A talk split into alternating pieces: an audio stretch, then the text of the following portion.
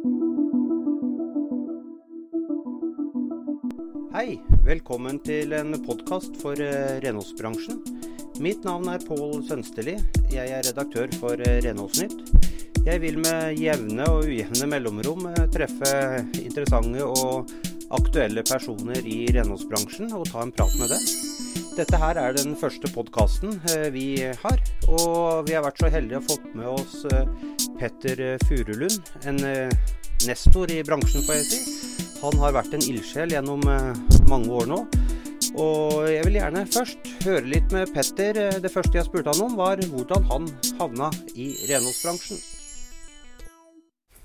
Ja, for det første så, så finansierte jeg jo nå studiene som renholder. Så, så, jeg hadde jo det litt i bakhodet. Og så eh, hadde jeg stilling eh, innen eh, Norsk ventilasjon og energiteknisk forening som gikk ut på dette med å promotere eh, ventilasjonsbransjens betydning i forhold til innemiljø og, og, hva det påvirket av trivsel og sykefravær osv. Og, og ha et godt inneklima.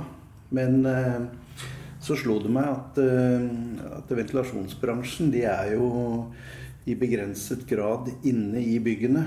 Og Riktignok skifta de noen filter en gang iblant og prøvde å rette opp eh, feil i anleggene, men det som jeg så var den store innemiljøfaktoren, eller trusselen, det var jo støv. Og, og da tenkte jeg ut fra når jeg hadde jobbet som renholder osv., at uh, er det noen som virkelig egentlig kunne gjøre den jobben vi skulle promotere i ventilasjonsbransjen, så måtte det være renhold. Som var uh, omtrent daglig inne i bygget, og som, eh, som kunne fjerne eh, smusset. Så, så, dukket det opp en stilling eh, som ble utlyst som leder for renholdsbedriftenes servicekontor i 1985, hvor, hvor, det var helt da nyetablert. Og så tenkte jeg ja, det kunne vært morsomt. Kanskje, kanskje man For det første syns jeg at den bransjen var veldig usynlig. Det var en sånn nattens gjerning. Det var ingen som så renholdet. Og den andre tingen var at uh, ut fra de erfaringene jeg hadde, så tenkte jeg her er det en bransje som, som virkelig er undervurdert, og som kanskje undervurderer seg sjøl også i betydningen av hvorfor gjør man rent, og hva skaper renhold av verdier hos kunden. Så søkte jeg den jobben, og så fikk jeg den, og begynte der i 1.9.1985. Uh, var, var, hadde bransjen de samme utfordringene den gangen som nå, eller var det andre typer utfordringer som dere sto overfor? Nei, du kan si at, eh, at, det var ikke Jeg følte ikke at bransjen var noe politisk den gangen. Du hadde ikke den, de diskusjonene om konkurranseutsetting, offentlig, privat osv. Det, var, det var vel egentlig en, eh, en bransje som, eh, som levde veldig godt i det skjulte. Altså, når jeg begynte, så var det ikke uvanlig at man eh, hadde hatt kunder i, ti år, og at det ikke fantes noen kontrakt mellom leverandøren og kunden. Dette var basert på langvarige relasjoner og tillit. og uh, Det var hyggelige priser, og, og bedriftene hadde penger nok til å, til å bruke også ressurser på, på, de ansatte i form av opplæring osv.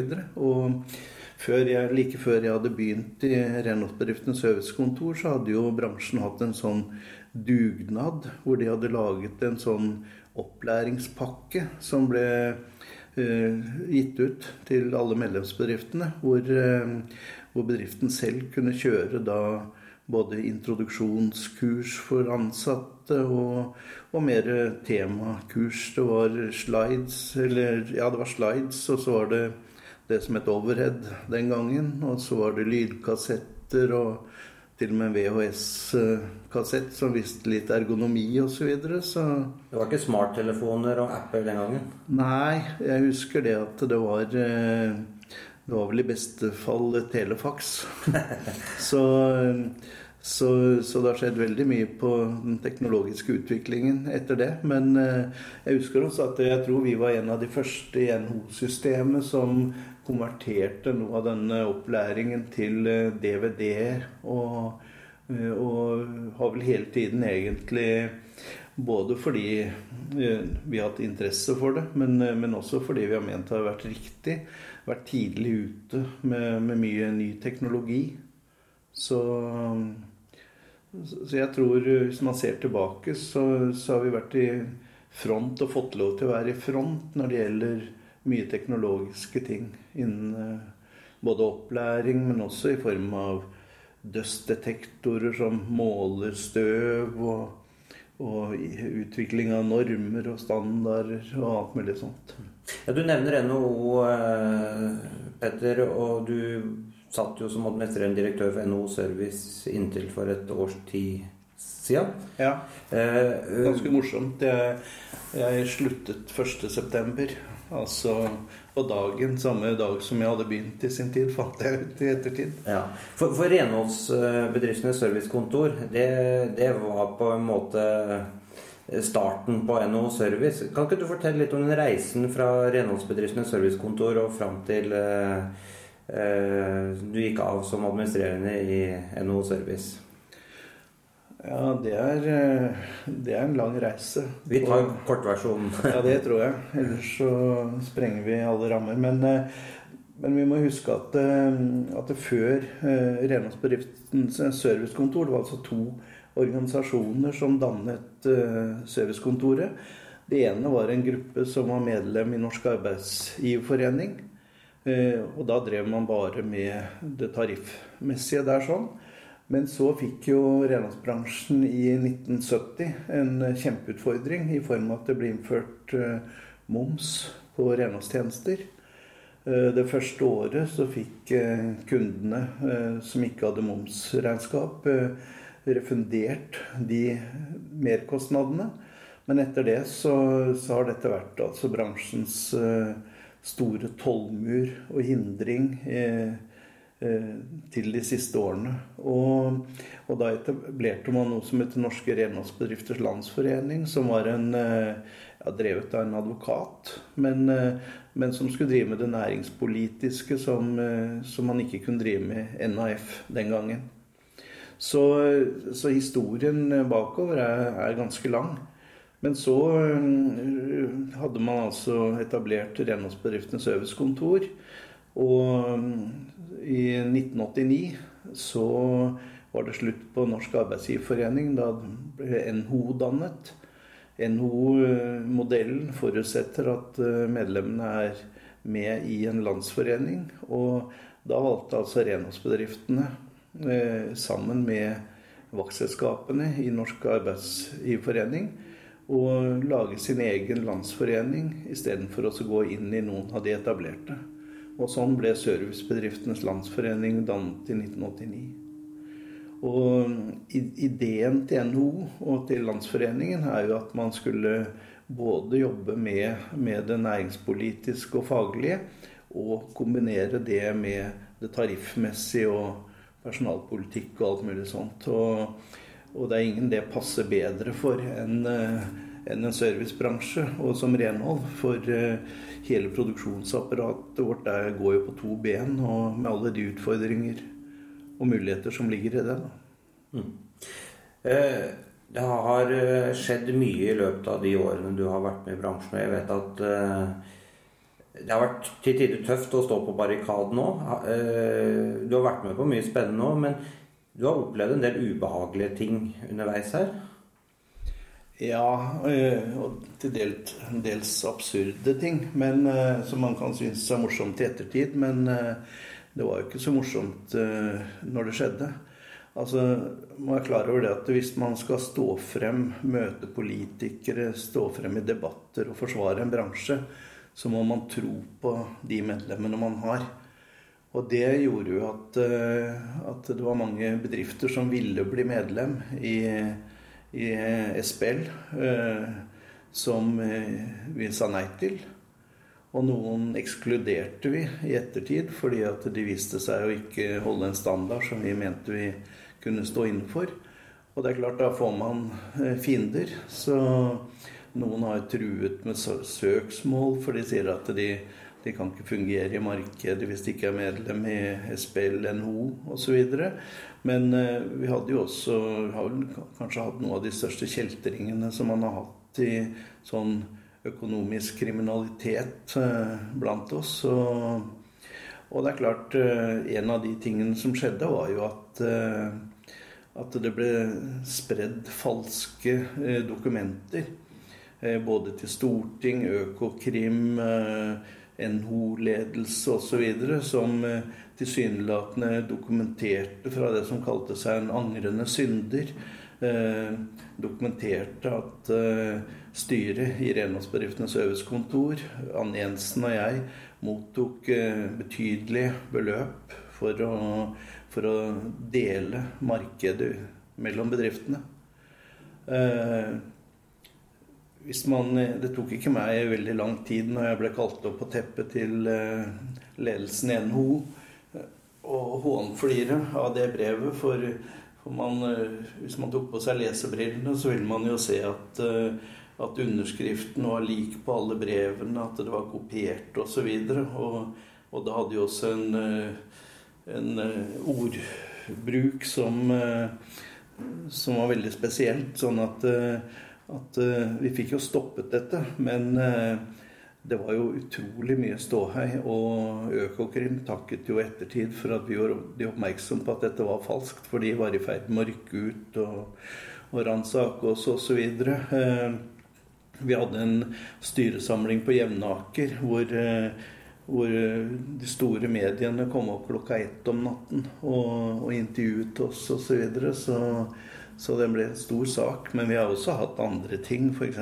så har jeg blitt kalt inn til Konkurransetilsynet i Bergen fordi at de mente at eh, den kursingen som vi drev med innen kalkulasjon og planlegging av renhold, i praksis eh, påvirket eh, prisene.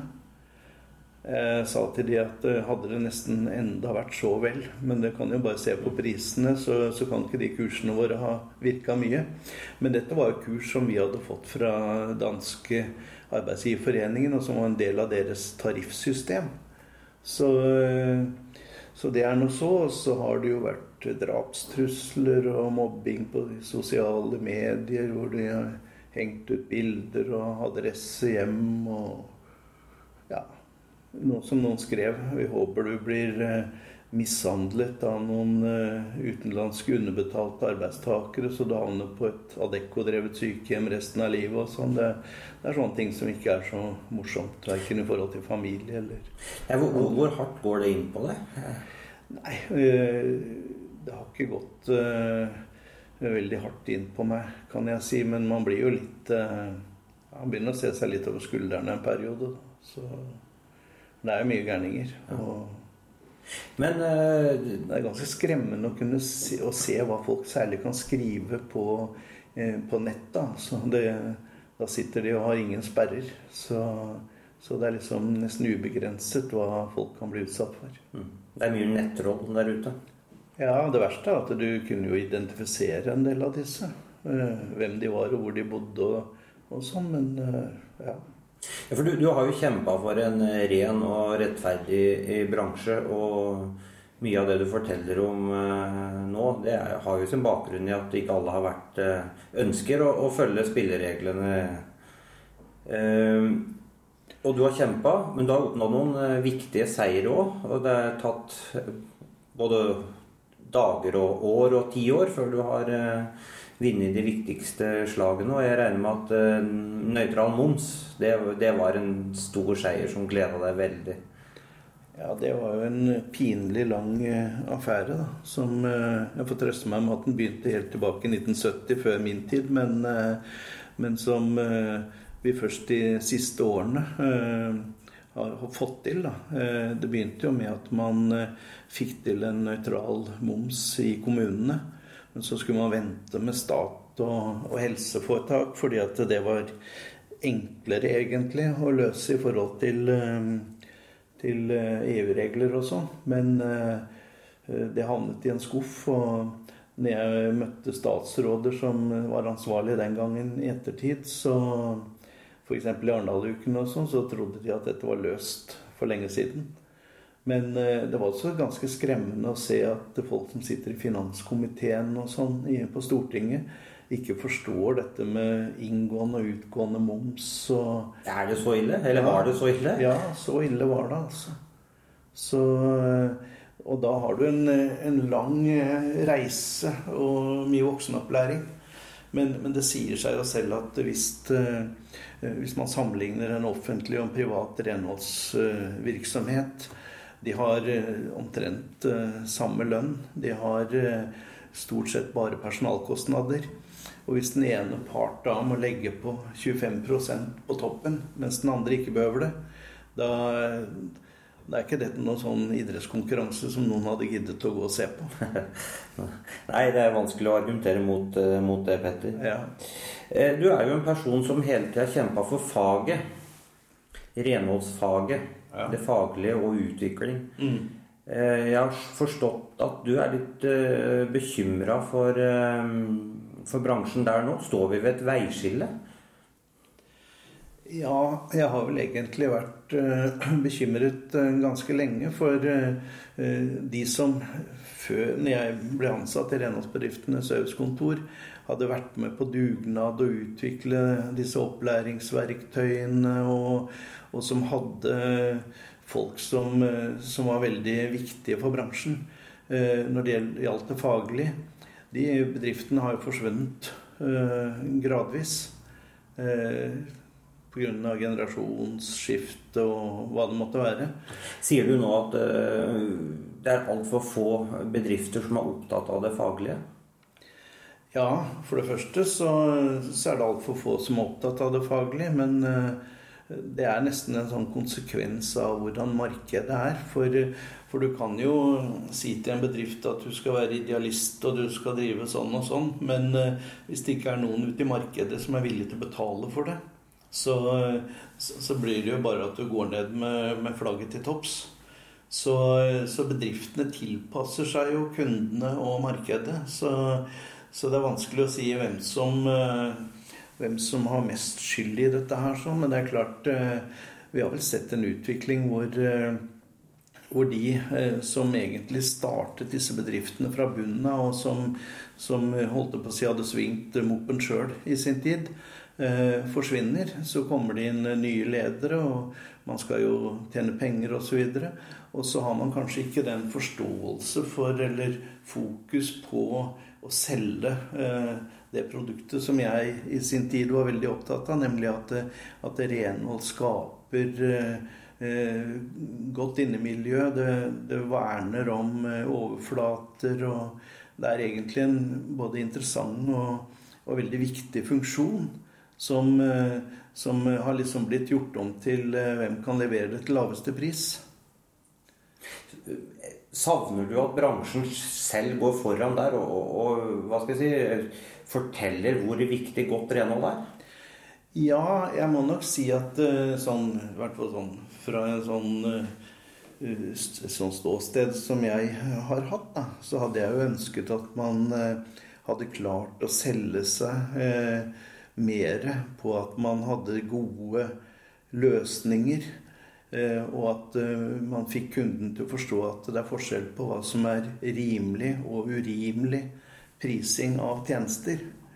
Eh, men det sier seg selv når jeg lager et regnestykke som jeg har gjort, og, og setter opp lovpålagt lønn og, og, sosiale kostnader og sånn som alle må betale. Alle må betale det før det i hele tatt tar seg noe betalt for, uh, for, det de driver med. Når du da har priser ute i markedet som er under det lovpålagte, Eh, da skulle man jo tro at kunder og noen av hver liksom våknet, men det virker som om eh, suksessfaktoren for mange innkjøpere er å få ned kostnadene uansett, liksom.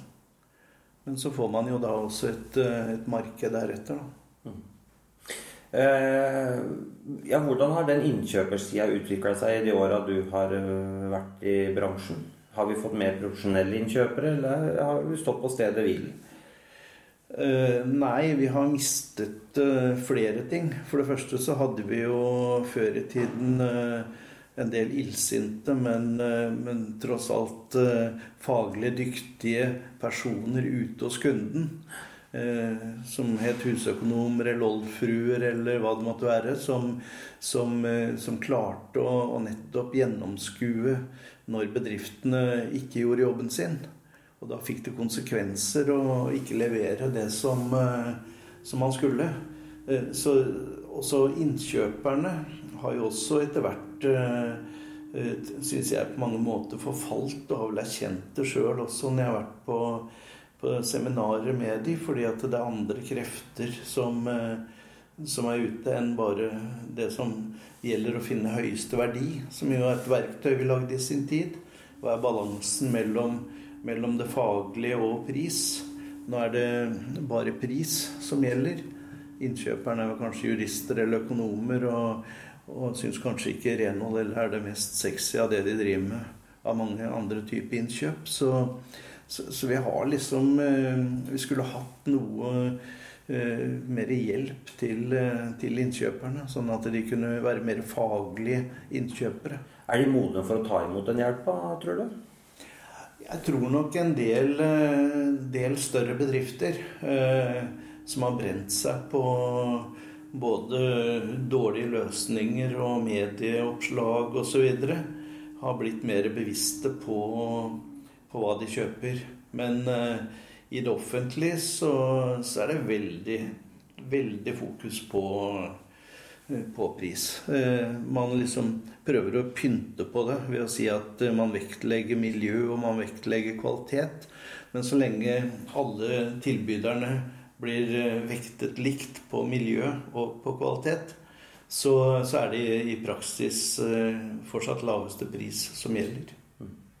Renholdsbransjen har vært kjent for, en, for, et helt spesielt og jeg vil si unikt samhold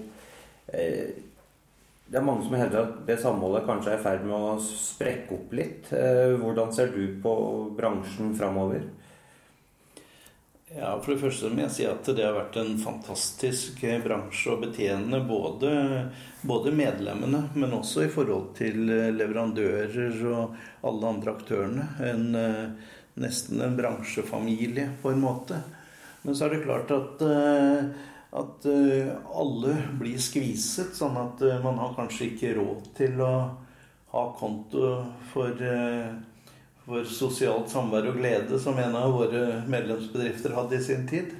Det blir liksom å se på, på pengebruken på en annen måte, og da, da, mister vi disse arenaene som gjør at folk kan snakke sammen og, og skrøne og lære litt av hverandre og sånn. Så, så jeg tror nok det kan bli vanskeligere etter hvert, også fordi at uh, man faser ut nå mange av de folkene som har vært uh, mange år i bransjen og har blitt kjent med andre fordi de kanskje har jobbet sammen tidligere eller, eller sånn. Og, og, da De nye som kommer inn, de, de må i hvert fall noen da prøve å introdusere til fellesskapet og få de til å leve med det der helt unike vi har hatt i renhold. At, eh, at det er to stykker som kanskje har kjempet og tatt fra hverandre millionkontrakter dagen før, kan sitte og kose seg om kvelden og, og ha det hyggelig. Mm. Ja, for du har tidligere sagt, Petter, at uh, mange av de hva skal jeg si, gode ideene og gode løsningene som du har vært med på å drive fram opp gjennom åra, har dukka opp i sammenkomster som du på forhånd kanskje hadde problemer med å forsvare at du skulle på? Ja, og det er, det er et uh, godt poeng. Altså hvis man nå bare blir så veldig effektiv at man stiller på møter, alle kommer samtidig, setter seg ned, hører på et budskap og går igjen, da, da dukker det ikke opp mye nytt. Men, uh, men det er vel kanskje først og fremst gjennom eh, det som har skjedd på kvelder og reiser og sånn, at, eh, at folk blir litt mer løssluppne på hva de sitter og snakker om, og du kan sitte og, og fange opp ting, og du, du, skjønner hva som er eh, litt forskjell på liv og lære osv., og, så videre, og kan, kan, dra nytte av det videre. Så, og noe, noe, som vi har hatt i veldig mange år nå, som vi stjal fra svenskene, var jo dette med et sånt lederseminar på Gran Canaria. Hvor, alle forbinder det med grisefest og paraplydrinker. Jeg har ikke sett noen av delene der, men tvert imot at folk liksom møter eh, på morgenen, eh, er sammen til langt på natt og, og deler med hverandre erfaringer og kunnskaper. Etter hvert også på tvers av andre bransjer.